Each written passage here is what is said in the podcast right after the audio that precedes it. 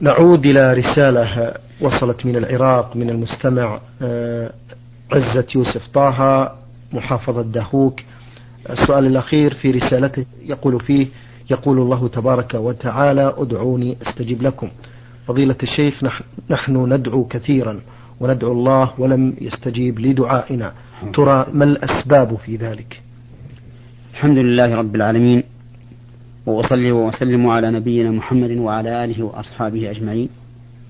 وأسأل الله تعالى لي ولإخوان المسلمين التوفيق للصواب اللهم عقيدة وقولا وعملا. اللهم آمين. يقول الله عز وجل وقال ربكم ادعوني أستجب لكم. إن الذين يستكبرون عن عبادتي سيدخلون جهنم داخرين. ويقول السائل إنه دعا الله عز وجل ولم يستجب الله له. فيستشكل هذا الواقع مع هذه الآية الكريمة التي وعد الله تعالى فيها من دعاه بأن يستجيب له. والله سبحانه وتعالى لا يخلف الميعاد. والجواب على ذلك أن للإجابة شروطا. لا بد أن تتحقق. وهي الإخلاص لله عز وجل بأن يخلص الإنسان في دعائه فيتجه إلى الله سبحانه وتعالى بقلب حاضر صادق في اللجوء إليه عالم بأنه عز وجل قادر على إجابة الدعوة. مؤمل الإجابة من الله سبحانه وتعالى. الشرط الثاني أن يشعر الإنسان حال دعائه بأنه في أمس الحاجة بل في أمس الضرورة إلى الله سبحانه وتعالى وأن الله تعالى وحده هو الذي يجيب دعوة المضطر إذا دعاه. ويكشف السوء. أما أن يدعو الله عز وجل وهو يشعر بأنه مستغنى عن الله سبحانه وتعالى وليس في ضرورة إليه وإنما يسأل هكذا عادة فقط فإن هذا ليس بحري في الإجابة.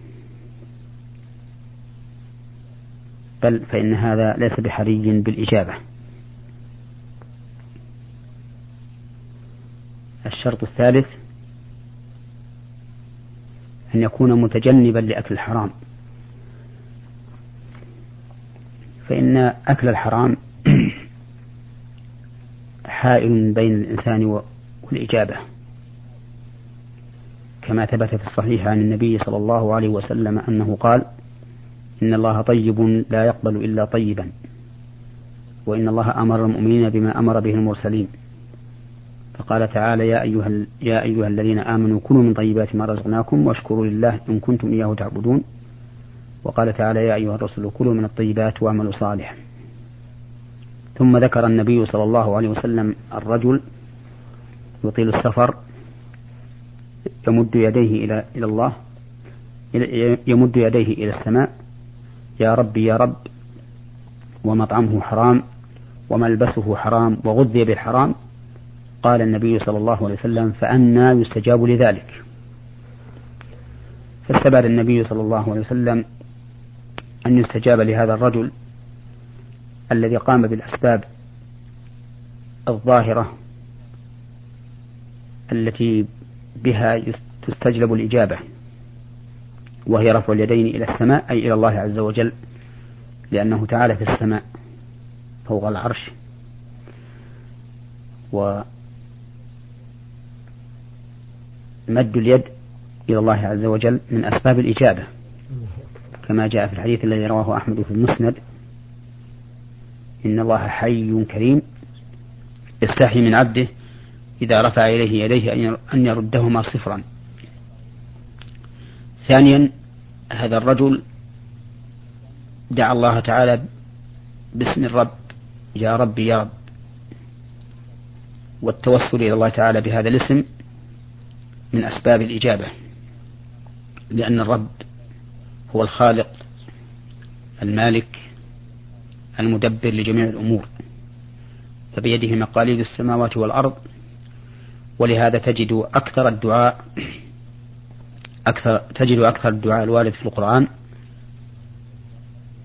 بهذا الاسم. ربنا إننا سمعنا منادي ينادي للإيمان أن آمنوا بربكم فآمنا. ربنا فاغفر لنا ذنوبنا وكفر عنا سيئاتنا وتوفنا مع الأبرار. ربنا وآتنا ما وعدتنا على رسلك.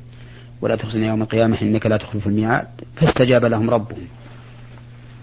أني لا أضيع عمل عامل منكم من ذكر أو أنثى بعضكم من بعض. إلى آخر الآية. فالتوسل إلى الله تعالى بهذا الاسم من أسباب الإجابة. ثالثا هذا الرجل كان مسافرا. والسفر غالبا من أسباب الإجابة. لأن الإنسان في السفر يشعر بالحاجة إلى الله عز وجل والضرورة إليه أكثر مما إذا كان مقيما في أهله. وأشعث أغبر كأنه غير معني بنفسه كأن أهم شيء عنده أن يلتجئ إلى الله ويدعوه على أي حال كان هو سواء كان أشعث أغبر أم مترفا. والشعث والغبر له أثر في الإجابة. كما في الحديث الذي روي عن النبي عليه الصلاة والسلام أن الله تعالى ينزل إلى السماء الدنيا عشية عرفة يباهي الملائكة بالواقفين فيها. يقول أتوني شعثا غبرا ضاحين من كل فج عميق. هذه الأسباب الأربعة لإجابة الدعاء. لم تجد شيئا لكون مطعمه حراما وملبسه حراما وغذي بالحرام. قال النبي عليه الصلاة والسلام فأنا يستجاب لذلك. هذه الشروط لإجابة الدعاء. إذا لم تتوفر فإن الإجابة تبدو بعيدة. فإذا توفرت ولم يستجب الله تعالى للداعي فإنما ذلك لحكمة يعلمها الله عز وجل ولا يعلمها هذا الداعي. فعسى أن تحبوا شيئا وهو شر لكم. وإذا تمت هذه الشروط ولم يستجب الله عز وجل فإنه إما أن يد إما أن يدفع عنه من السوء ما هو أعظم وإما أن يدخرها, يدخرها له يوم القيامة فيوفيه الأجر أكثر وأكثر لأن هذا الداعي الذي دعا. الذي دعا بتوفر الشروط ولم يستجب له ولم يصرف عنه من السوء ما هو أعظم يكون قد فعل الأسباب ومنع الجواب لحكمة فيعطى الأجر مرتين مرة على دعائه ومرة على مصيبته بعدم الإجابة فيدخل له عند الله عز وجل ما هو أعظم وأكمل. ثم إن من المهم أيضا أن لا يستطيع الإنسان الإجابة فإن هذا من أسباب منع الإجابة أيضا. كما جاء في الحديث عن النبي عليه الصلاة والسلام يستجاب لأحدكم ما لم يعجل قالوا كيف يعجل يا رسول الله؟ قال يقول دعوت ودعوت ودعوت فلم يستجب لي. فلا ينبغي للإنسان أن يستطيع الإجابة فيستحسر عن الدعاء ويدع الدعاء بل يلح في الدعاء. فإن كل دعوة تدعو بها الله عز وجل فإنها عبادة تقربك إلى الله سبحانه وتعالى وتزيدك أجرا. فعليك يا أخي بدعاء الله سبحانه وتعالى في كل أمورك. العامة والخاصة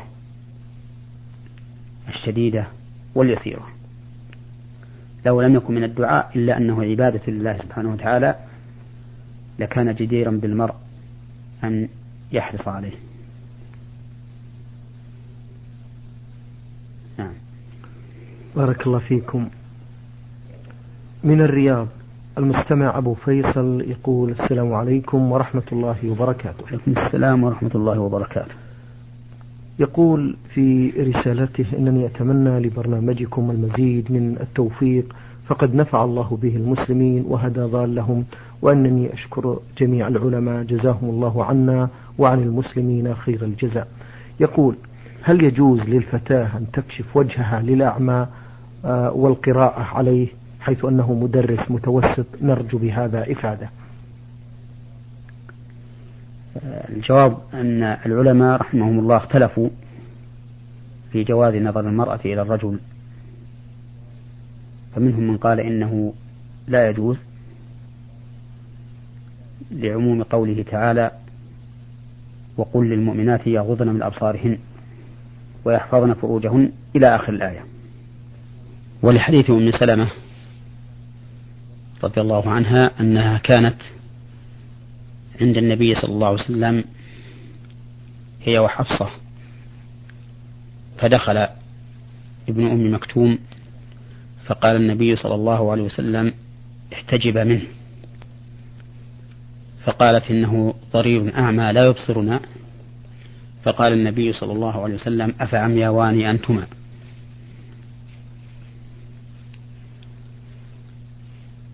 ومن العلماء من قال إنه يجوز للمرأة أن تنظر إلى الرجل بشرط أن لا يكون نظرها لشهوة ولا, ولا لتمتع.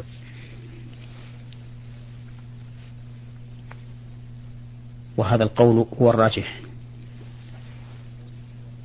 لأن النبي صلى الله عليه وسلم قال لفاطمة بنت قيس اعتدي في بيت ابن أم مكتوم فإنه رجل أعمى تضعين ثيابك عنده. وكان النبي صلى الله عليه وسلم يستر عائشة وهي تنظر إلى الحبشة في المسجد. وكذلك كان إذا خطب الرجال في يوم العيد نزل إلى النساء فخطبهن ولا شك أنه إذا كان يخطبهن سينظرن إليه. وكان معه بلال رضي الله عنه. وأما الآية التي استدل بها من منع نظر المرأة إلى الرجل فإن الله تعالى يقول فيها قل للمؤمنين وقل للمؤمنات يغضضن من أبصارهن ومن للتبعيض وهي صادقة بما إذا منعنا من النظر إلى الرجل لشهوة أو لتمتع فإنه في هذه الحال يجب عليها غض البصر. ويبقى ما عدا ذلك على ما جاءت به السنة عن النبي صلى الله عليه وسلم. وأما الحديث حديث أم سلمة فإن في صحته نظرا لأن راويه عن أم سلمة وهو مولاها نبهان قال فيه ابن عبد البر إنه رجل مجهول. وحديث تكون درجته هكذا. لا يمكن أن يعارض الأحاديث الصحيحة الواضحة في جواز نظر المرأة إلى الرجل. لكن يجب كما أسلفنا أن لا يكون نظرها إليه نظر شهوة أو نظر تمتع فإن ذلك لا يجوز. والله أعلم. أه السؤال الأخير في رسالة المستمع أبو فيصل من الرياض يقول رجل نذر أن يصوم عشرة أيام في بداية شهر ما فلم يستطع أن يكملها جميعا فأخر بعضها إلى الشهر الثاني. هل عليه كفارة في هذه الحالة؟ أولا نحن من هذا المنبر منبر نورنا على الدرب نكرر النهي عن عن النذر. آخذين بقول بنهي النبي صلى الله عليه وسلم آخذين بنهي النبي صلى الله عليه وسلم عنه. فإن النبي صلى الله عليه وسلم نهى عن النذر وقال إنه لا يأتي بخير. وإنما يستخرج به من البخيل. وما أكثر السائلين الذين يسألون عن نذور نذروها إما لوقوعهم في ضيق فينذرون إن نجاهم الله منه أن يتصدقوا أو يصوموا وإما لمريض كان عندهم ينذرون إن شفاه الله أن يتصدقوا أو يصوموا وإما لحصول الذرية ينظرون إن الله رزقهم إن ينظرون إن رزقهم الله أولادا أن يفعلوا كذا وكذا من العبادات. كأن الله عز وجل لا يمن عليهم بنعمه. إلا إذا شرطوا له هذا النذر. وإنني من هذا المكان أحذر إخواني المسلمين عن النذر وأنقل إليهم نهي النبي صلى الله عليه وسلم عنه. لأنهم دائما ينذرون فيندمون وربما ينذرون ولا يوفون. وما أعظم عقوبة من نذر لله سبحانه وتعالى ولم يوفي. فلنستمع إلى قول الله تعالى ومنهم من عاهد الله لئن آتانا من فضله لنصدقن ولنكونن من الصالحين فلما آتاهم من فضله بخلوا به وتولوا وهم معرضون فأعقبهم نفاقا في قلوبهم إلى يوم يلقونه فأعقبهم نفاقا في قلوبهم إلى يوم يلقونه بما أخلفوا الله ما وعدوه وبما كانوا يكذبون. ثم إن النذر أقسام. منه ما يجب الوفاء به ومنه ما لا يجب الوفاء به لكونه جاريا مجرى اليمين.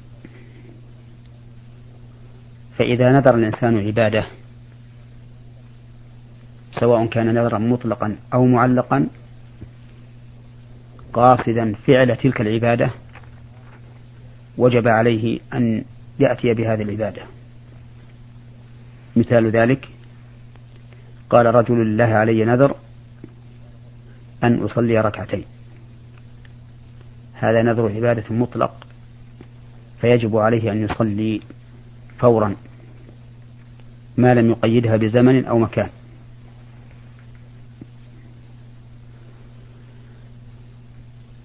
فإن قيدها بزمن لم يجب عليه أن يصلي حتى يأتي ذلك الزمن وإن قيدها بمكان لم يلزمه أن يصلي إلا في ذلك المكان الذي نذره ما لم يكن فيه محذور شرعي.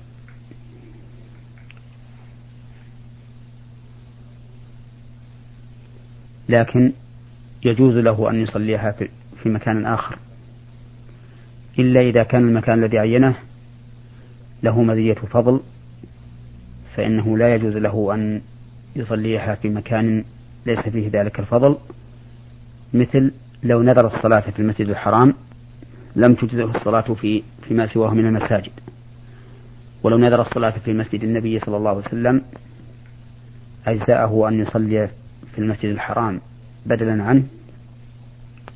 ولو نذرها في المسجد الأقصى أجزاؤه أن يصلي في المسجد النبوي وفي المسجد الحرام أيضا. فإذا نذر الأعلى لم تجزى الصلاة فيما دونه وإن نذر الأدنى أجزأت فيما هو أعلى منه.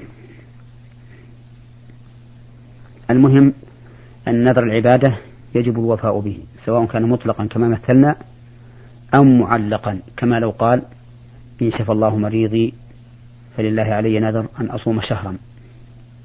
أو قال إن نجحت في الامتحان فلله علي نذر أن أصوم ثلاثة أيام أو أن أصوم يوم الاثنين والخميس من الشهر الفلاني أو ما أشبه ذلك فيجب عليه الوفاء بذلك لعموم قوله صلى الله عليه وسلم من نذر أن يطيع الله فليطعه أما إذا كان النذر جاريا مجرى اليمين أي لا يقصد التعبد لله تعالى بهذه العبادة المعينة وإنما يقصد الناذر أن يمتنع من فعل معين أو أن يلتزم بفعل معين. مثل أن يقول لله علي نذر ألا ألبس هذا الثوب. فهذا يخير بين لبسه وكفارة اليمين. أو يقول إن لبست هذا الثوب فلله علي نذر أن أصوم شهرا. فهنا إذا لبس الثوب لم يلزمه أن يصوم شهرا بل إن شاء صام شهرا وإن شاء, وإن شاء كفر عن نذره كفارة يمين. لأن كل نذر يقصد به المنع أو الحث أو التصديق أو التكذيب فإنه يكون جاريا مجرى اليمين.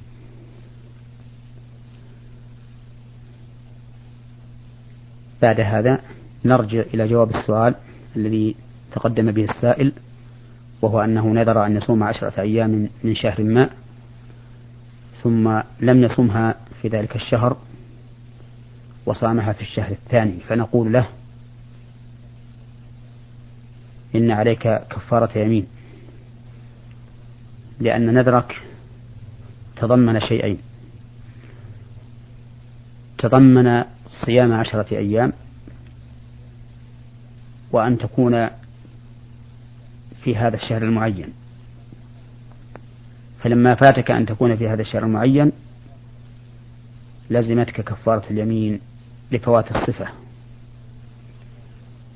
وأما الأيام فقد صمتها. وأخيرا أرجو من إخوان المسلمين ألا ينظروا. ألا يكلفوا أنفسهم بهذه النذور ألا يلزموها بما لم يز... بما لم يلزمهم الله به ألا يفعلوا شيئا يندمون عليه وربما لا يوفون به. فيقع عليهم ما وقع على من عاهد الله. لئن آتانا من فضله لنصدقن ولنكونن من الصالحين فلما آتاهم من فضله بخلوا به. وتولوا وهم معرضون فأعقبهم نفاقا في قلوبهم إلى يوم يلقونه بما أخلف الله ما وعدوه وبما كانوا يكذبون. أخشى أن يقع الإنسان إذا نذر لله نذرا كهذا الذي ذكره الله عز وجل ثم لم يوف به أن يعقبه الله تعالى نفاقا في قلبه إلى الممات. إنني أرجو أكرر رجائي أن ينتبه إخواني المسلمون إلى هذه المسألة. وأن ينتهوا عن النذر كما نهاهم عنه نبيهم محمد صلى الله عليه وسلم. والله المستعان. الله المستعان. آه، إخوتنا المستمعين الكرام آه، في نهاية هذا اللقاء نشكر